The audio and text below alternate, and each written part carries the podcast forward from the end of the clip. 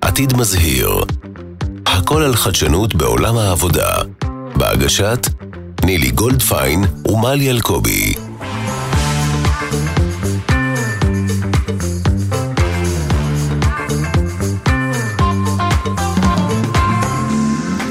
קורה? נילי. וואי וואי וואי, לונג טיים. לגמרי, איזה כיף להיות פה. אוי, ממש כיף, ואיזה כיף שהחלמת בזמן. נכון, לא חייבים להזכיר את כל המחלות שלי. לא, לא את כולם, רק חלק. אוקיי, לא חייבים, לא. קורונוש. קורונה הגיעה. הקורונה הגיעה. קורונה הגיעה, ובגדול, יש מלא אנשים, מלא אנשים. הבן שלי הדביק מלא. אני נורא שמחה, כל הכבוד לך, סחטיין. היום אנחנו בפרק מאוד מיוחד. פרק סיום העונה. את קולטת שסיימנו עונה? או, כי סילמנו עונה שנייה. שנייה, שנייה. נכון. מי סופר שנהנים? סופר מדהים, שנהנים. מדהים, מדהים. וזה פרק, מה זה מיוחד? זה פרק בונוס שבזכותך אנחנו מקליטים אותו היום. זה היה רעיון שלך, וזה היה רעיון גאוני, לא פחות מגאוני. אנחנו נדבר היום על דור ה-Z, ותכף אה, נספר מי כאן באולפן. אורחי ההפתעה שלנו. כן, אורחי הפתעה ואורחי כבוד. ממש. אה, ובאמת, דור ה-Z זה דור שנכנס לשוק העבודה. כבר חמישה עד שמונה אחוז מהעובדים בישראל שייכים לדור ה-Z. זה חבר'ה בני 10 עד 26, והם מאוד מאוד משמעותיים. ויצאו שני סקרים אה, ככה שמנסים גם להשוות בין דור ה-Y לדור ה-Z, מבחינת המאפיינים שמביאים לעולם העבודה אחרת מה-Y'ים. ואני רוצה שרגע ניגע באמת בנקודות המרכזיות. סקר אחד שיצא זה סקר של דילויט, שבא וניסה להשוות מה הבוסים של דור ה-Z חושבים עליהם, לא מה הם חושבים עליהם, מה הם חושבים שהם חושבים, ומה באמת הם חושבים. ויצאו שלוש נקודות שבהם היה, היו הבדלים. נקודה אחת זה באמפתיה. בעצם הבוסים אמרו, אמפתיה לא חשובה להם עד כדי כך, והם אמרו, אמפתיה מאוד חשובה לנו, תראו אותנו, אנחנו רוצים פה רגישות וניהול הרבה יותר אמפתי. הנושא השני זה בריאות מנטלית. הם אמרו, הדור, הדור אומר, בריאות מנטלית זה אחד הדברים הכי חשובים לי, אני רוצה לדבר על זה, אני רוצה לשים את התשומת לב על הדבר הזה, שזה כמובן הרבה מאוד דברים. והנושא השלישי זה עד כמה מקום העבודה בעיניהם תופס איזשהו מקום מרכזי בזהות שלהם כבני אדם. וכאן הם דירגו את מקום העבודה הפחות דרמטי.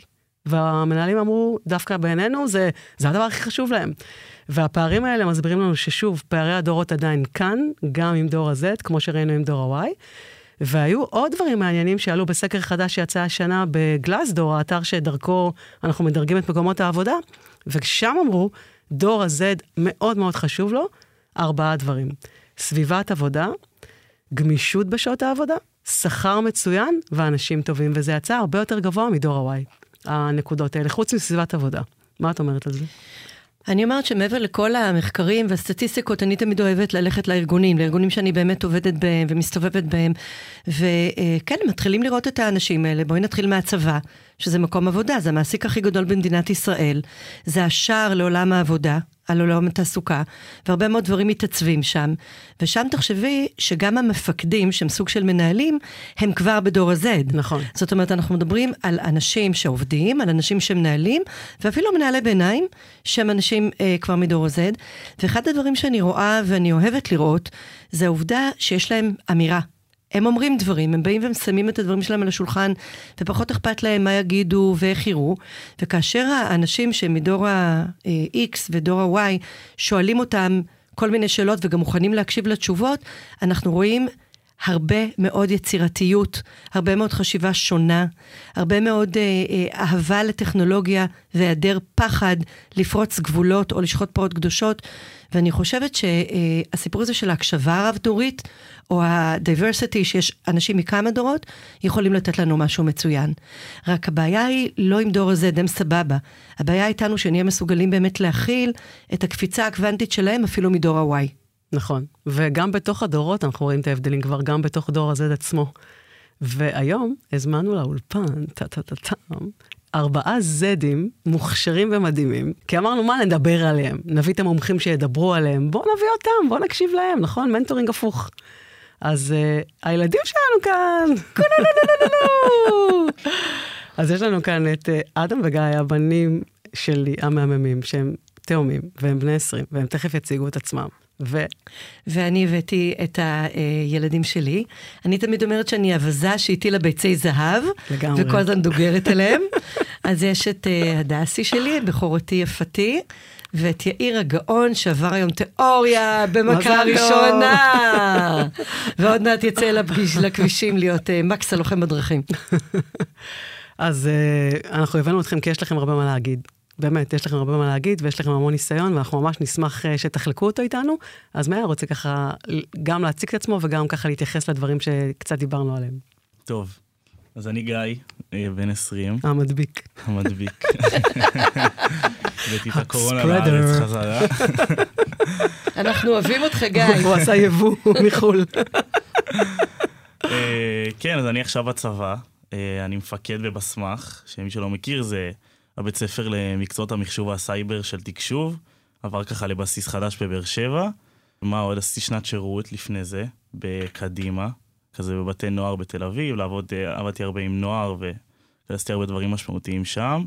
סתם אוהב לבשל. ממש טוב בזה. הוא השף שלנו. קורא ספרים.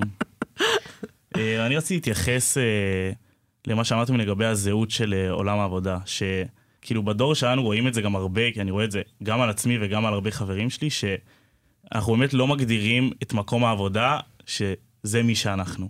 כאילו אנחנו לא... כאילו כשאנחנו מציגים את זה, זה לאו דווקא נגיד נציג את המקום עבודה שלנו.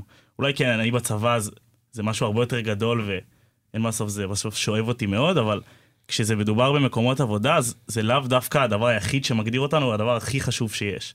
כאילו אני רואה שלהרבה אנשים יש הרבה יותר תחומי עניין מעבר לזה, והרבה יותר דברים שהם רוצים לעשות בזמן פנוי, ואם זה מתקשר לדוגמה גם לשעות גמישות. שהרבה פעמים אנחנו רוצים שיהיה לנו כזה נגיד את היום הזה בשבוע שאולי ייתנו לנו לצאת, או בצבא זה בקשות יציאה, זה קצת שונה, אבל אה, אם זה נגיד במקום עבודה, שנגיד ייתנו לי כן לצאת מוקדם, נגיד לעשות אימון, או איזשהו תחביב שאני ממש רוצה, וזה משהו ממש ממש קריטי. כאילו, יצא לי לראות אנשים שלא נתנו להם את זה, והם ממש השתגעו מזה. כאילו, זה ממש היה להם קשה, ואני יכול להגיד שגם בשנת שירות, נגיד, שזה היה מסגרת מאוד שואבת, אז היה הרבה אנשים אצלי בקומונה, שנגיד, הרבה דברים שהם... כל מיני תחביבים שלהם שהם רצו לעשות, ולא היה להם את הזמן לזה, וזה היה משהו שנורא נורא נורא הקשה אליהם. שאולי זה משהו שפעם פחות היה, אני פחות יודע להגיד, אבל אני יודע שככה זה היום. מדהים. כן. ומבחינת הנושא של הגמישות, יש לך איזה דוגמה איפה כן פגשת מקום שהיה יותר גמיש וזה עבד לך? כן. אני עבדתי לפני הצבא, בתיכון, עבדתי בחנות צעצועים. בעיקר כזה למכור ללקוחות, לסדר מדפים, עבודה קצת מצחיקה. Uh, כאילו העבודה לא הייתה באמת כזאת מעניינת בסוף, זה לא הפאשן שלי או משהו, זה היה פשוט איזושהי עבודה זמנית. וכן, מה שטוב בעבודה הזאת זה שהשעות היו נורא נורא גמישות. הוא אמר לנו, תגישו בתחילת השבוע, תגידו איזה ימים אתם רוצים לבוא, וזהו, אתם מגיעים בימים האלה, וכאילו לא... אין איזשהו משהו שאתה מגיש משמרות, ואז הוא מחזיר לך ואומר לך באיזה ימים אתה מגיע, אתה פשוט אומר לו מתי אני יכול, ואתה בא. והוא סומך על העובדים שיהיה מספיק ימים. ואז הוא אומר לנו, נגיד, תקשיבו, שלישי אף אחד לא, אף אחד לא אמר שהוא יבוא, אני חייב שמישהו יבוא. ואז אנחנו כעובדים, בגלל כאילו התרבות, היינו מגיעים פשוט כי ידענו שמישהו צריך להגיע. וזה היה משהו שגרם לי להישאר במקום הזה הרבה זמן, לעומת מקומות עבודה אולי שאני מכיר שצריך להגיש משמרות, שזה משהו שפחות מתאים לדור שלנו. זאת אומרת, הגמישות גרמה לך למוטיבציה, למחוברות, כן. וגם להגדיל ראש ולבוא בימים שאין אף אחד אחר. נכון. וזה חשוב לך גם לחיים בכלל? כן, זה משהו שמאוד חשוב. אני חושב להרבה אנשים, כאילו, בדור שלנו, שברגע שהם רואים אותנו ונותנים לנו את מה שאנחנו רוצים, אז אנחנו גם נרצה לתת מקום עבודה, ונבוא עם רעיונות, ונבוא לפתח, ונציע דברים, וזה אולי משהו שפחות היה קיים פעם. אנחנו רוצים להתערב, בא לנו להיות חלק. רק פשוט צריך לתת לנו את המקום ואת הגמישות הזאת. זה משהו נורא חשוב בעיניי. מישהו מה... זדים האחרים רוצה להתייחס? אני, אני ממש רוצה לחזק אותך. הדסי, אבל... תציגי את עצמך. אה, אני הדס, אה, אני הבת של נילי, אני בדיוק סיימתי אה, י"ב בבית ספר בינלאומי, למדתי IB, שזה דיפלומה בינלאומית עם אה, אנשים מסביב לעולם בגבעת חביבה. וואו.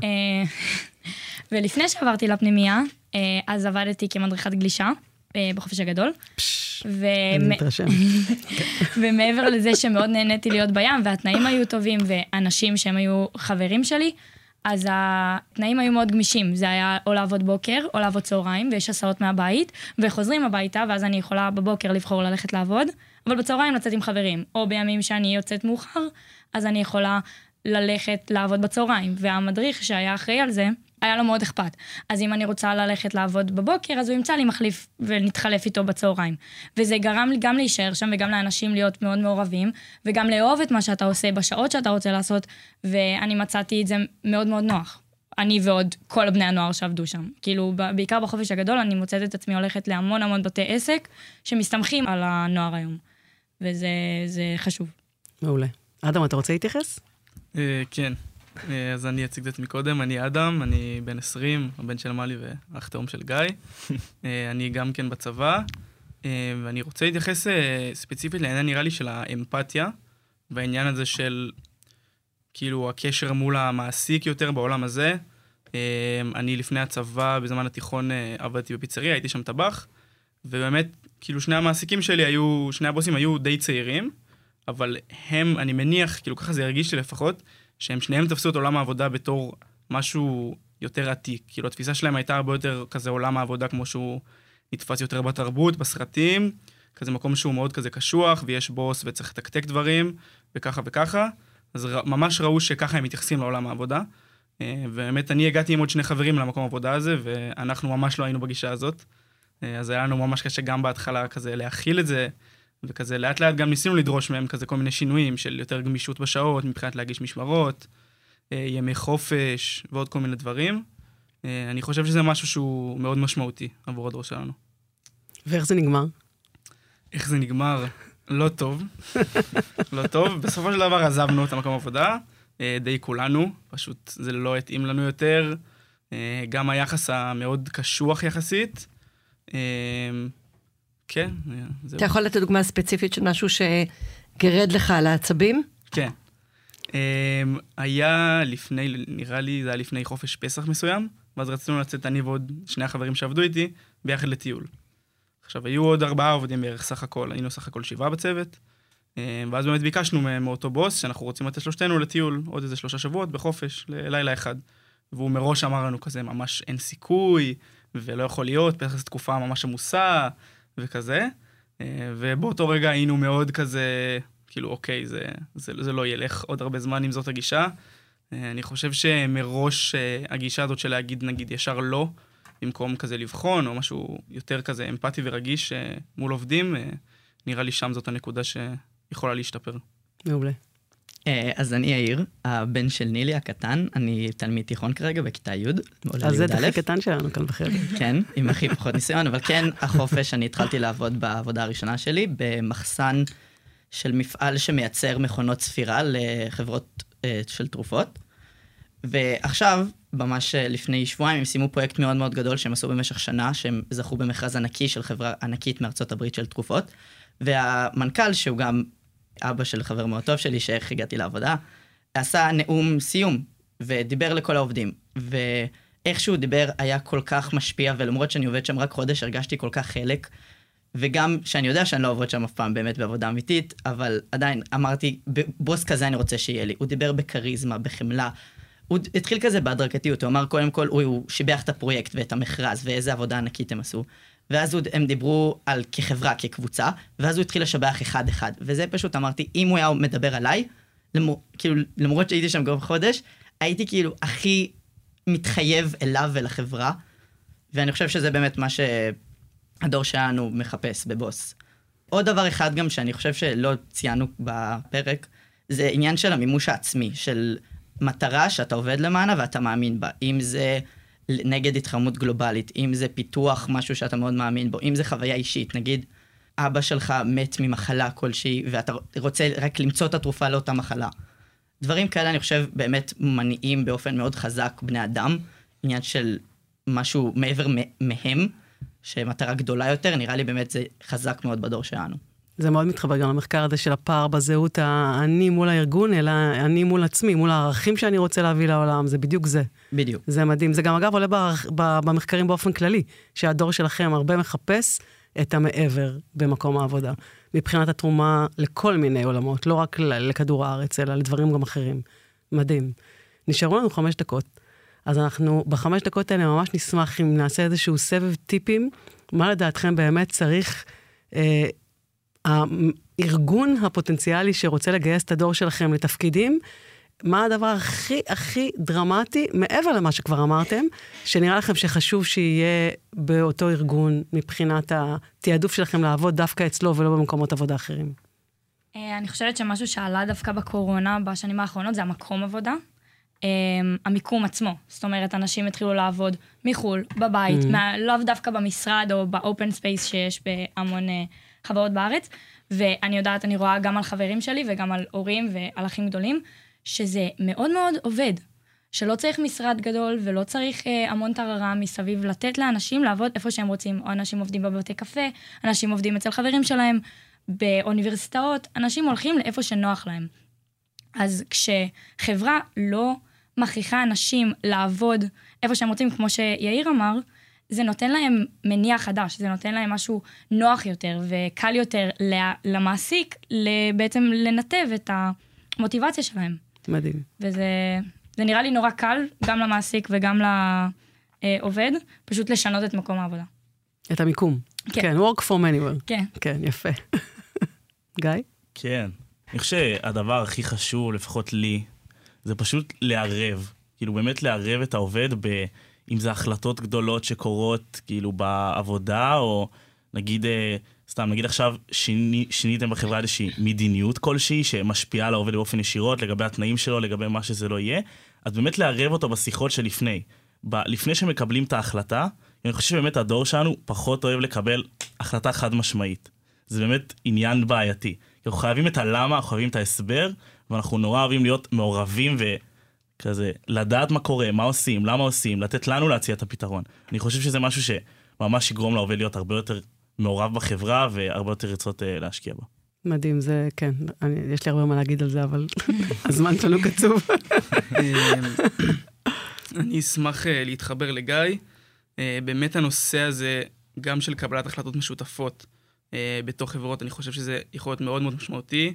אם אה, כאילו עולם העבודה יתקדם, לפחות עבור הדור שלנו, אה, למקום שהוא יותר משותף, מבחינת פחות כזה משימות שמורידים לך מלמעלה וכל מיני החלטות, כמו שגיא אמר, אלא יותר אה, לקבל החלטות במשותף. אה, אני חושב שזה גם יוסיף הרבה משמעות לעובדים במקום עבודה שלהם. זה בעצם, אה, זה דווקא מקום שאפשר לחבר את הזהות של האני למקום עבודה. אם, אה, אם אני מרגיש שזה מקום משמעותי עבורי, מקום העבודה, ואני אוכל להציע רעיונות ולקדם דברים שהם לא בהכרח מאוד פרקטיים של עבודה, אה, אני חושב שזה מקום, אה, באופן כללי, להפוך את העולם הזה ליותר כזה חברתי ופחות כזה היררכי ובוסי בעולם הזה, אני חושב שזה יכול להיות מאוד חשוב. לגמרי. אני גם מסכים עם הדעה הזאת, ואוסיף ואומר שכאילו כשבוס מערב אותך בהחלטה, או פשוט מיידע אותך על החלטה גדולה שקורית, זה יוצר כזה בין העובדים והחברה, כזה גאוות יחידה כזאת, אם זה צבאית, משהו קבוצתי, שמחבר את העובד יותר לחברה, גם שמחייב אותו יותר להישאר שם יותר זמן, לתת יותר שעות, משמרות, או מה שזה לא יהיה, וגם מוטיבציה, ששם הוא יעבוד יעיל יותר ופשוט טוב יותר. אז אני רוצה לסכם ולדבר על המעסיקים דווקא, כי אה, אלו העובדים הפוטנציאליים שלנו, ואני חושבת שזה חלק מההחלטה שלנו, מלי, להביא את הילדים היום. לפני כמה שנים עשיתי איזה כנס על דור ה-Y, והקולגה שאיתה עשיתי את הכנס רצתה להביא כל מיני מומחים מהאוניברסיטה לדבר על דור ה-Y, ואמרתי לה, ממי, הם לא עכברים, יש להם פה. אפשר להקשיב להם, אפשר להביא אותם בעצמם. היא אמרה לי, אבל הם מאוד צעירים, הם לא יודעים שום דבר. ואני רוצה להגיד למעסיקים שהאנשים האלה שנמצאים כאן באולפן, שהם דוגמה טובה אמנם, אה, מאוד. הם גדלו בבית טוב, כולם, אבל אנשים שמגיעים מהדור הזה יודעים הרבה יותר דברים מאיתנו, כי הם כבר גדלו עם הווב והם כבר גדלו עם טכנולוגיות מסוגים אחרים, ואם אנחנו נקשיב להם וניתן להם את תשומת הלב ואת השותפות, שהם רוצים, זה לא רק יעבוד על הסיפור של המוטיבציה, זה יעבוד על הרעיונות היצירתיים של המוצר הבא, של המבנה הבא, של הדור הבא של המוצרים, ואנחנו נרוויח מזה גם עובדים מאוד מחויבים, אבל גם פשוט את האסנס של החברה. במילים אחרות, שורות תחתונות, תפוקות. לגמרי. ותראי כמה דברים אתם אמרתם שהם בעצם אה, הרבה מעבר לרק שעות עבודה גמישות. כאילו, הסיפור של המשמעות והשיתוף והפחות היררכיה, ולהביא אה, עוד ערכים מוספים לעולם ולתרום לעולם, כאילו, כמה זה מדהים. אה, וזה הכי מעצבן אותי בעולם, שאומרים הרבה פעמים על הדור הזה שהוא דור עצלן, והוא רוצה פחות uh, להתאמץ. ומפונק. ובאמת, זה מקומם, זה פשוט מקומם, ובגלל זה צריך לעשות את כל העבודה עוד בין פערי הדורות לבין הפרשנות של המנהלים על ההתנהגות מסוימת. אם מישהו רוצה יותר גמישות, הוא לא עצלן, הוא פשוט מבין שהעולם יכול להתנהל יותר טוב באופן אחר גם, ולא צריך ללכת uh, בצורה קשוחה uh, לנהלי עבודה ישנים. Uh, ארגונים יקרים, יש לכם הרבה עבודה. ו... ויש לכם דור מדהים, שכדאי לכם מאוד להתאמץ לגייס אותו, כי אחרת הוא יהיה פרילנס, הוא פשוט לא יעבוד אצלכם. Uh, ואני חושבת שבחלק הזה זה פספוס אדיר, ו...